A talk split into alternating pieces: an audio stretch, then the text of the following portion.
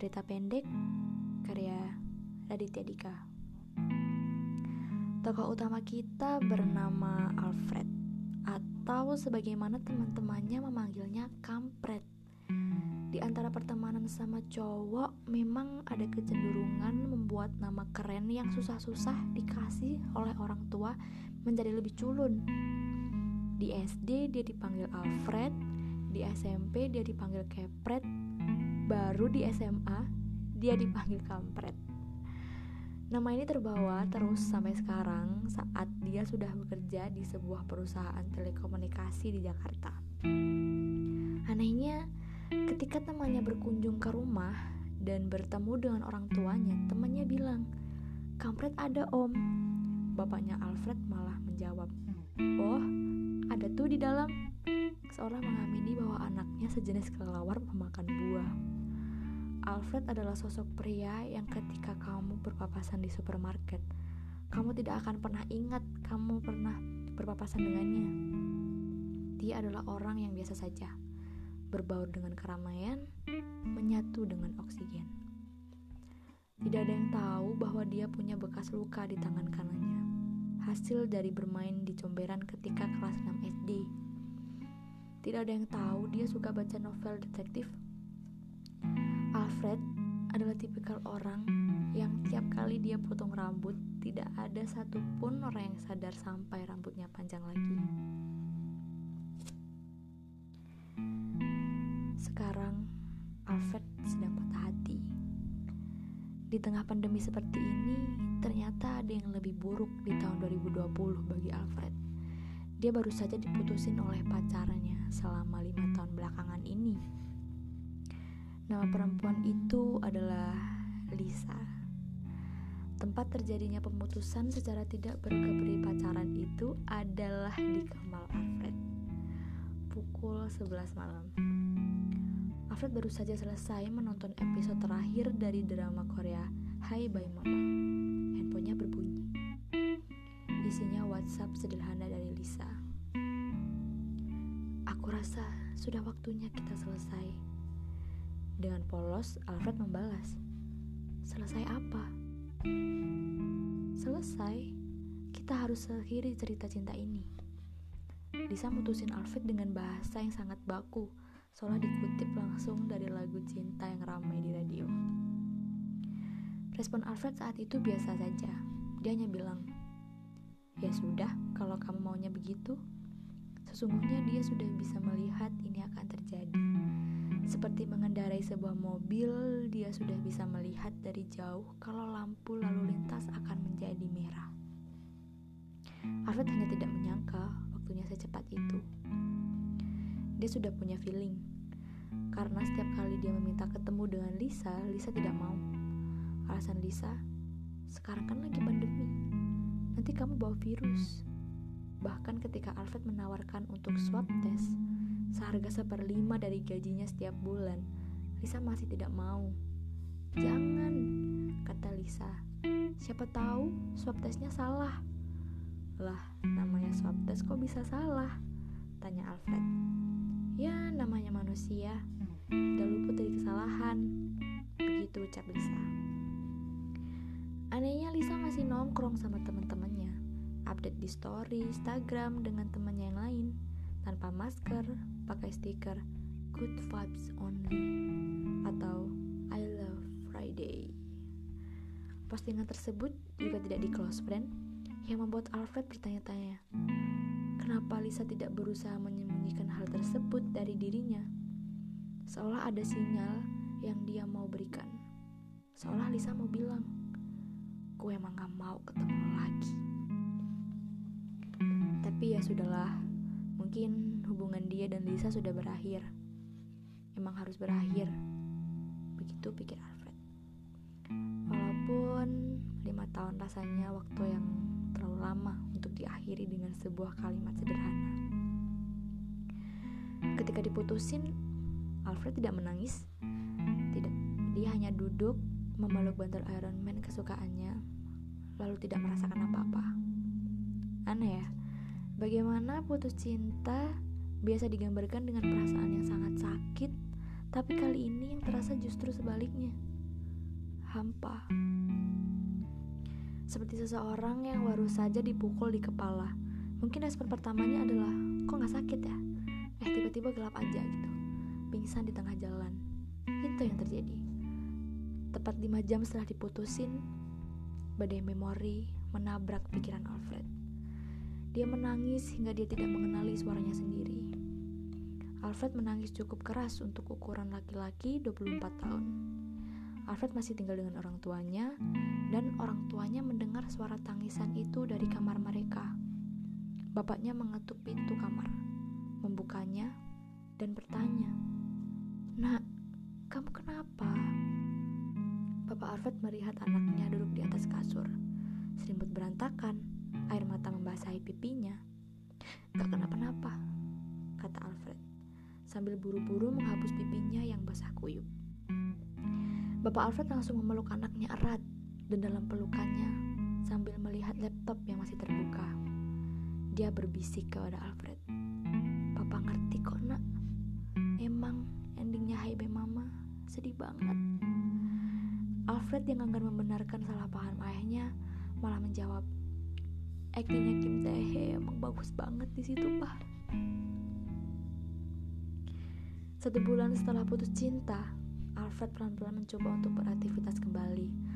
Alfred mulai menerima kenyataan bahwa dia di unfollow oleh Lisa di Instagram. Sebuah konfirmasi bahwa dia memang benar diputusin. Karena di zaman sosial media seperti sekarang ini, putus cinta baru sah jika sebuah foto dengan mantan telah dihapus dan akun kita telah di-unfollow. Sebelum itu terjadi, masih ada harapan untuk terjadi keajaiban.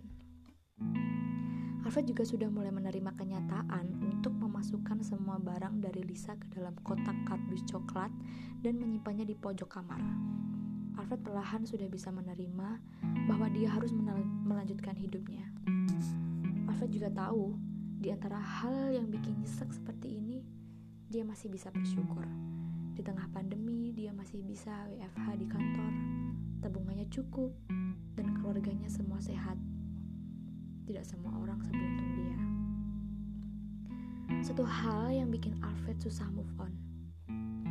Gerimis. Dalam setahun pertama mereka pacaran, Alfred pernah mengantarkan Lisa pulang. Saat itu sedang ada gerimis. Lisa bilang kepada Alfred, Aku suka gerimis. Pas aja gitu. Belum sampai hujan yang bikin orang kedinginan, tapi udah tidak mendung yang bikin orang muram. Krimis itu hawa yang pas buat aku. Alfred membalas pada saat itu.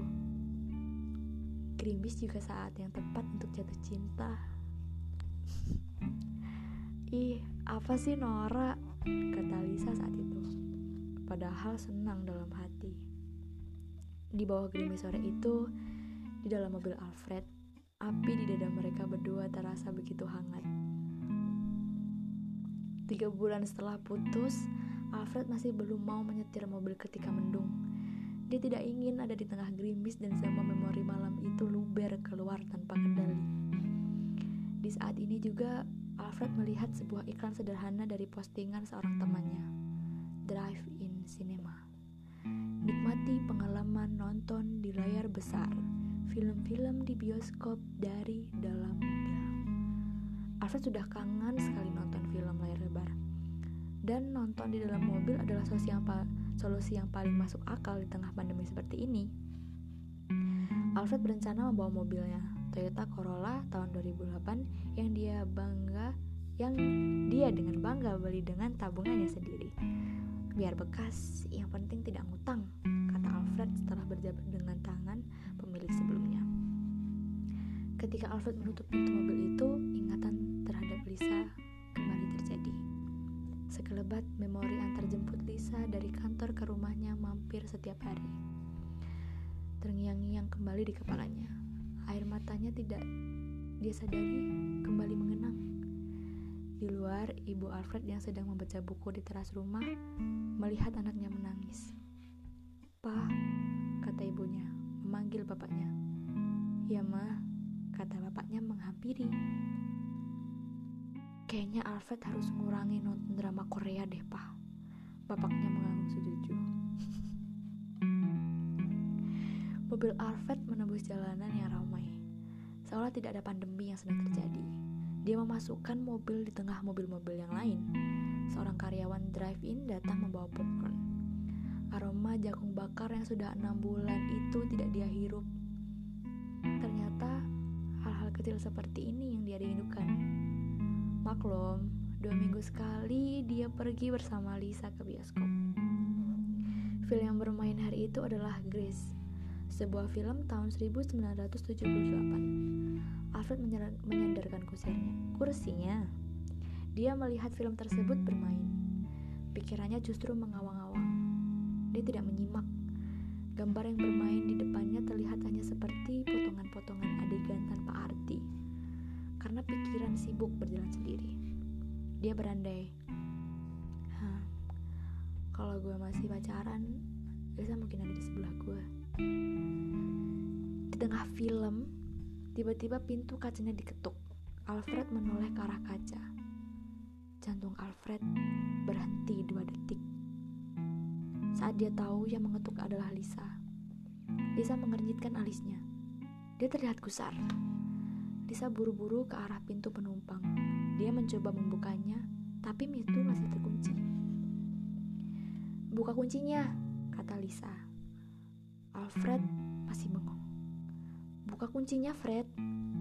Eh iya, kata Alfred. Ngomongnya agak tergagap. Dia diambang kaget dengan tidak siap melihat mantan pacar seperti ini. Seperti melihat hantu. Sesuatu yang pernah hidup, tapi sekarang bergentayangan. Lisa masuk ke dalam mobil Alfred. Dia memakai baju pink hari itu Rambut ikalnya terlihat bercahaya diterpa gambar dari layar besar di depan mobil. Alfred masih bengong. Dia tidak siap dengan semua ini. Dia masih belum mengucapkan satu kata pun. Ngikutin aku? Tanya Lisa. Suaranya cukup jelas untuk didengar di antara dialog dan musik film yang masih terus bermain. Ngikutin, balas Alfred. Iya, kamu ikutin aku ke tempat ini. Aku tadi lagi nonton di depan, terus aku lihat ke sebelah kiri belakang. Kok ada mobil kamu? Fred, ini serem loh. Nggak ada yang ngikutin siapa-siapa, balas Alfred. Terus, kenapa kamu di sini? Tanya Lisa. Ya, seperti semua orang lainnya di sini sih. Menonton Chris kamu ngapain di sini? Sama, seperti semua orang di sini. Ada hening yang tidak enak selama beberapa saat. Kamu nggak takut? Tanya Alfred. Takut apa? Masuk mobil aku. Kemarin-kemarin kan kamu nolak ketemu, gara-gara takut virus. Ini, sekarang kamu kok bisa masuk ke mobil aku? Lisa tersadar lalu bertanya, Tapi kamu di rumah aja kan? Iya, di rumah aja. Gak ke mana-mana. Gak ketemu siapa-siapa. Papa mama juga? Jawab Alfred. Kamu? Besok satu kantor mau keluar kota. Udah dibayarin swab sama bos. Semua dites, kata Lisa. Aman. Baguslah, kata Alfred. Gak lucu juga pulang ketemu mantan tiba-tiba sejak nafas kan? Iya gak lucu, kata Lisa. Lisa, Lisa melihat tajam ke arah Alfred. Dia terlihat penasaran. Aku harus tanya langsung. Jawab jujur. Ini benar kebetulan kamu ada di sini. Di saat yang bersamaan dengan aku. Ini Benar kebetulan, jawab Alfred. Mengkonfirmasi. Bisa tahu, Alfred berkata yang sejujurnya. Lima tahun berpasangan, dia tahu kelemahan Alfred. Setiap kali Alfred berbohong, secara tidak sadar dia menggaruk hidungnya. Lisa tidak pernah memberitahukan kelemahan ini kepada Alfred. Sungguh, berkah seorang pacar adalah kemampuan untuk mendeteksi kebohongan pacarnya. Lisa menghela nafas panjang. Dia lalu memegang gagang pintu, bersiap untuk keluar. Aku mau pergi dulu. Belum sempat bisa menyelesaikan kalimatnya, Alfred bertanya, "Kenapa sih kamu mutusin aku?" Lisa tidak menjawab. "Kenapa?" tanya Alfred lagi. "Ini benar-benar mau dibahas nih," tanya Lisa. "Yang tidak selesai harus dibahas dong," kata Alfred. "Buat aku udah selesai. Kurang jelas apa lagi? Foto udah aku hapus. Kamu udah aku unfollow," kata Lisa. Buat aku belum. Alfred melihat mata Lisa. Jadi, Cintanya hilang. Jawab Lisa singkat. Hilang? Iya. Suatu hari aku bangun, teleponan sama kamu. Terus, udah. Gak ada apa-apa. Aku ngerasain apa-apa lagi, kata Lisa. Hilang gitu aja. Aku juga gak ngerti. Jujur, aku juga bingung kenapa aku begini. Bosan? Tanya Alfred. Mungkin, tapi yang jelas, penjelasan paling sederhana, cintanya udah gak ada. Maaf, itu sejujur-jujurnya. Aku juga gak tahu kenapa. Mungkin sekarang kita udah jadi orang yang beda. Lima tahun itu waktu yang lama loh, kata Alfred. Dan aku gak mau ngabisin lima tahun lagi dengan orang yang salah, ucap Lisa. Mungkin ini sakit buat kamu, tapi mendingan sakit sekarang dibandingkan sakit nanti-nanti. Alfred terdiam. Dia lalu melihat tajam ke arah Lisa. Kamu salah sih. Aku gak berubah. Aku orang yang sama dengan yang kamu temuin lima tahun lalu. Aku orang yang sama yang ngantri di belakang kamu di KFC Kemang. Aku orang yang sama yang kamu mintain tolong waktu itu. Aku masih ingat kamu ada di depan kasir sendirian mau bayar makanan. Terus kamu nengok ke belakang. Kamu bilang, Sorry, boleh pinjem 50 ribu nggak? Gue janji bakal balikin nanti. Gue gak bawa duit, mau banget. Abis itu kita kenalan. Lalu kita makan satu meja. Aku masih ingat semua itu. Kata per kata. Aku orang yang sama, Lisa. Aku masih sayang kamu. Iya, kata Lisa. Tapi aku orang yang beda. Alfred terdiam. Alfred yang gusar berkata, Terus ingatan-ingatan kita gimana? Kamu mau apain? Aku ada loh ketika kamu lulus. Aku ada ketika kamu butuh interview kerja. Sampai malam aku temenin kamu latihan pakai bahasa Inggris. Kamu gak bisa gitu dong, balas Lisa. Aku juga ada kok. Pas kamu minta ditemenin skripsi di perpustakaan daerah, aku ngorbanin gak kumpul sama teman-teman grup vokal aku. Aku juga ada. Berpasangan bukan masalah hitung-hitungan, Fred. Ini sederhana.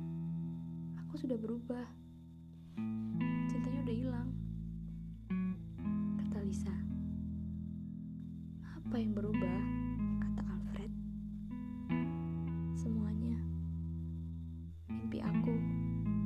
Aku, selera aku. Band kita dengerin dulu bukan lagi favorit aku. Ceylon Seven, tanya Alfred. Ya itu masih. Lisa memandang Nanar ke depan. Yang lainnya tidak. Kamu kalau dalam posisi aku juga pasti begini, Fred.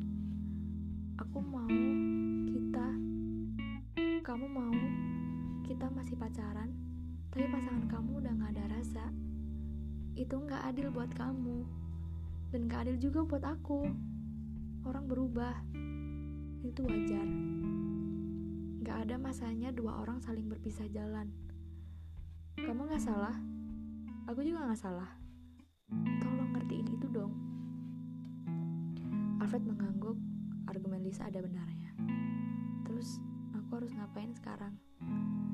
Ya, kamu harus selain aku. Aku yakin kok, kamu pasti nemu orang yang lebih cocok, yang lebih baik dari aku, yang lebih pantas buat kamu, yang dinamakan kamu seperti ini apa adanya. Alfred terdiam. Dia menengok ke arah depan kanan. Alfred bertanya, Mobil kamu mana? Gak ada. Gak ada. Lisa mengangguk. Kamu ke sini naik apa? Itu. Kata Lisa menunjuk sebuah mobil. Mobil itu. Mata Alfred mengarah ke sebuah mobil Honda HRV berwarna hitam. Dia melihat ada siluet laki-laki yang sedang membuka handphone. Terlihat tidak memperhatikan film yang bermain di depannya. Mata Alfred terbuka lebar. Kamu datang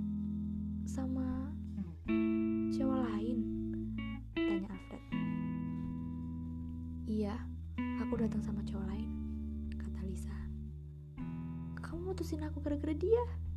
Tanya Alfred, mengumpulkan keberanian untuk bertanya. Kalau kamu nuduh aku selingkuh, jawabannya enggak. Aku baru dikenali minggu lalu, ini pertama kali kamu pergi bareng, kata Lisa. Tenang aja, aku nggak sejahat itu. Alfred mengangguk. Dia tahu itu benar. Fred, aku udah maju ke depan dengan hidup aku, kata Lisa. Yang terbaik buat kamu adalah untuk melanjutkan juga hidup kamu. Sampai jumpa, Fred. Terima kasih buat lima tahun ini. Alfred terdiam.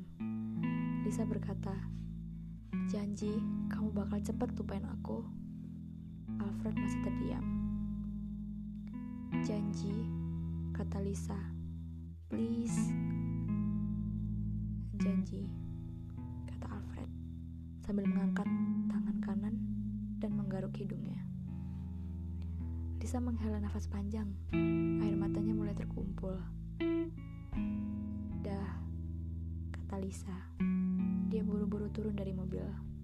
Lisa masuk ke dalam mobilnya, dia menceritakan jujur apa yang terjadi kepada laki-laki di sebelahnya.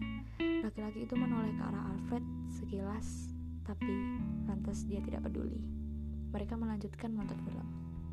Alfred masih melihat dari dalam mobil, tanpa sadar ada gerimis yang berjatuhan di atas mobil membuat ketukan-ketukan kecil yang mengiringi lamunan Alfred malam itu. Alfred melihat ke arah kaca mobilnya, menyalakan wiper sambil berharap gerimis kali ini membasuh patah hatinya pergi. Menghapus tinta yang pernah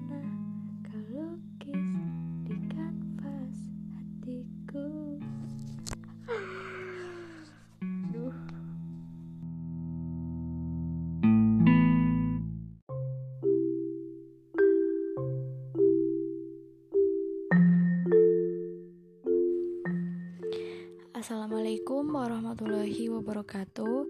Saya Dini Harinastiti NIM 1966032 Di sini saya akan menjawab soal UTS mata kuliah etika profesi. Untuk soalnya sendiri terdapat tiga poin. Di mana poin pertama Apakah cita-cita saya? Untuk poin kedua Alasan saya masuk jurusan arsitektur. Dan untuk poin ketiga adalah apa rencana saya untuk 5 hingga 10 tahun ke depan dan bagaimana usaha saya untuk mencapainya. Baik untuk poin pertama, untuk cita-cita, jujur saya memiliki cita-cita yang berubah-ubah sejak kecil. Dulu saya layaknya anak-anak pada umumnya yang memiliki cita-cita menjadi seorang dokter. Cita-cita tersebut bertahan hingga SMP. Kemudian saat SMA, saya bercita-cita menjadi aktris profesional. Hingga saat akan masuk dunia perkuliahan, saya sempat berkeinginan juga masuk kelas acting atau teater.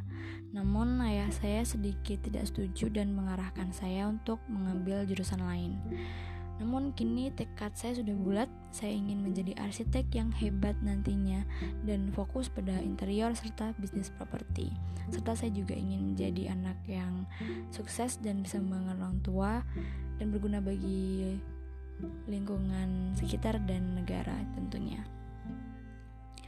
Kemudian untuk poin kedua, alasan saya masuk jurusan arsitektur awalnya karena dulu saya menganggap jurusan ini jurusan yang keren. Awalnya tidak ada pikiran saya sebenarnya untuk menjadi arsitek.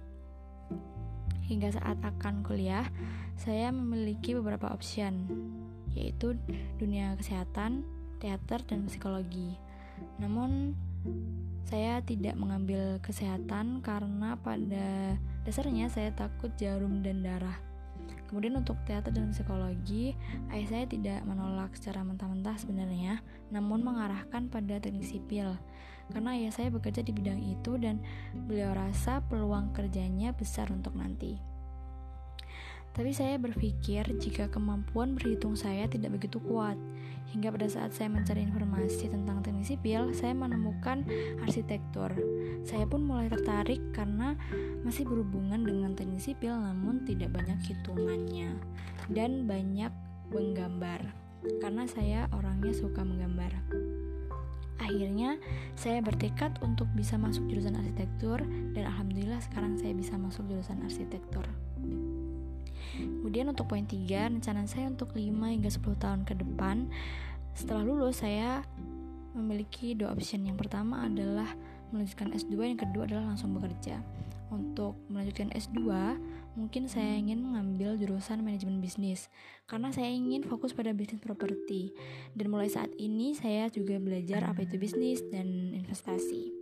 Untuk option yang kedua, saya ingin melamar kerja untuk menambah pengalaman kerja saya karena ilmunya akan sangat berguna. Saya ingin nanti menjadi arsitek hebat dan bisa mendirikan biro arsitek bersama sahabat saya. Karenanya, saya ingin nanti merintis hal tersebut dari nol dengan menambah wawasan bekerja di perusahaan-perusahaan atau biro-biro arsitek sebagai arsitek muda. Saya ingin sukses dan bisa mengangkat derajat keluarga saya. Saya ingin memberi orang tua saya rumah dari hasil kerja keras saya dan menaikkan orang tua saya haji atau umroh. Karenanya, saya akan bekerja keras hingga nanti bisa menjadi sukses. Dan mulai saat ini, saya melawan rasa malas, menjadi disiplin, hemat, lebih dewasa menghadapi masalah, dan bertanggung jawab terhadap diri sendiri.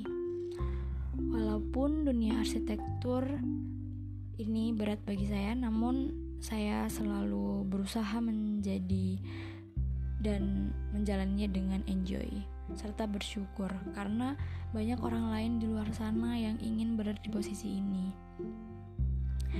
Empat semester ini sudah saya lewati dengan suka dan duka, tapi saya selalu bisa melewatinya. Hal tersebut tak lain dan tak bukan adalah karena pertolongan dari Allah Subhanahu wa taala. Saya sangat bersyukur dan tak bosan berdoa kepada Allah karena apa pun yang sudah saya rencanakan akan sia-sia jika tanpa Allah Subhanahu wa taala. Jadi selain saya berusaha sekuat tenaga, saya juga mengencangkan doa saya karena menurut saya ikhtiar dan doa itu harus seimbang. Sekian dari saya, terima kasih. Wassalamualaikum warahmatullahi wabarakatuh.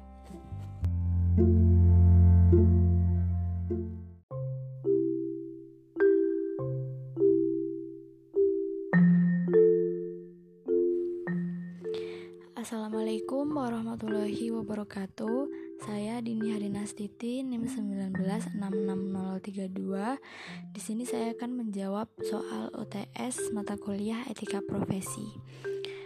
Untuk soalnya sendiri terdapat tiga poin, di mana poin pertama, apakah cita-cita saya? Untuk poin kedua, alasan saya masuk jurusan arsitektur dan untuk poin ketiga adalah apa rencana saya untuk 5 hingga 10 tahun ke depan dan bagaimana usaha saya untuk mencapainya.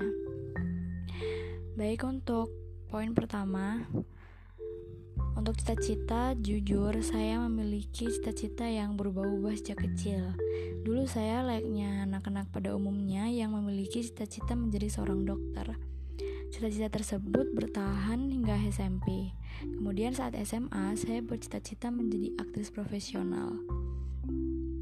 Hingga saat akan masuk dunia perkuliahan, saya sempat berkeinginan juga masuk kelas acting atau teater. Namun ayah saya sedikit tidak setuju dan mengarahkan saya untuk mengambil jurusan lain. Namun kini tekad saya sudah bulat, saya ingin menjadi arsitek yang hebat nantinya dan fokus pada interior serta bisnis properti. Serta saya juga ingin menjadi anak yang sukses dan bisa membangun orang tua dan berguna bagi lingkungan sekitar dan negara tentunya. Kemudian untuk poin kedua, alasan saya masuk jurusan arsitektur awalnya karena dulu saya menganggap jurusan ini jurusan yang keren. Awalnya tidak ada pikiran saya sebenarnya untuk menjadi arsitek. Hingga saat akan kuliah, saya memiliki beberapa option, yaitu dunia kesehatan, teater, dan psikologi. Namun, saya tidak mengambil kesehatan karena pada dasarnya saya takut jarum dan darah. Kemudian untuk teater dan psikologi, ayah saya tidak menolak secara mentah-mentah sebenarnya, namun mengarahkan pada teknik sipil. Karena ayah saya bekerja di bidang itu dan beliau rasa peluang kerjanya besar untuk nanti. Tapi saya berpikir jika kemampuan berhitung saya tidak begitu kuat, hingga pada saat saya mencari informasi tentang teknik sipil, saya menemukan arsitektur. Saya pun mulai tertarik karena masih berhubungan dengan teknik sipil namun tidak banyak hitungannya dan banyak menggambar. Karena saya orangnya suka menggambar. Akhirnya, saya bertekad untuk bisa masuk jurusan arsitektur dan alhamdulillah sekarang saya bisa masuk jurusan arsitektur. Kemudian untuk poin 3, rencana saya untuk 5 hingga 10 tahun ke depan setelah lulus saya memiliki dua option. Yang pertama adalah melanjutkan S2, yang kedua adalah langsung bekerja. Untuk melanjutkan S2, mungkin saya ingin mengambil jurusan manajemen bisnis karena saya ingin fokus pada bisnis properti. Dan mulai saat ini saya juga belajar apa itu bisnis dan investasi. Untuk option yang kedua, saya ingin melamar kerja untuk menambah pengalaman kerja saya karena ilmunya akan sangat berguna. Saya ingin nanti menjadi arsitek hebat dan bisa mendirikan biro arsitek bersama sahabat saya. Karenanya, saya ingin nanti merintis hal tersebut dari nol dengan menambah wawasan bekerja di perusahaan-perusahaan atau biro-biro arsitek sebagai arsitek muda. Saya ingin sukses dan bisa mengangkat derajat keluarga saya. Saya ingin memberi orang tua saya rumah dari hasil kerja keras saya dan menaikkan orang tua saya haji atau umroh. Karenanya, saya akan bekerja keras hingga nanti bisa menjadi sukses. Dan mulai saat ini, saya melawan rasa malas, menjadi disiplin, hemat, lebih dewasa menghadapi masalah, dan bertanggung jawab terhadap diri sendiri. Walaupun dunia arsitektur ini berat bagi saya, namun saya selalu berusaha menjadi dan menjalannya dengan enjoy serta bersyukur karena banyak orang lain di luar sana yang ingin berada di posisi ini. Empat semester ini sudah saya lewati dengan suka dan duka, tapi saya selalu bisa melewatinya. Hal tersebut tak lain dan tak bukan adalah karena pertolongan dari Allah Subhanahu wa taala. Saya sangat bersyukur dan tak bosan berdoa kepada Allah karena apa pun yang sudah saya rencanakan akan sia-sia jika tanpa Allah Subhanahu wa taala. Jadi selain saya berusaha sekuat tenaga, saya juga mengencangkan doa saya karena menurut saya ikhtiar dan doa itu harus seimbang. Sekian dari saya, terima kasih. Wassalamualaikum warahmatullahi wabarakatuh.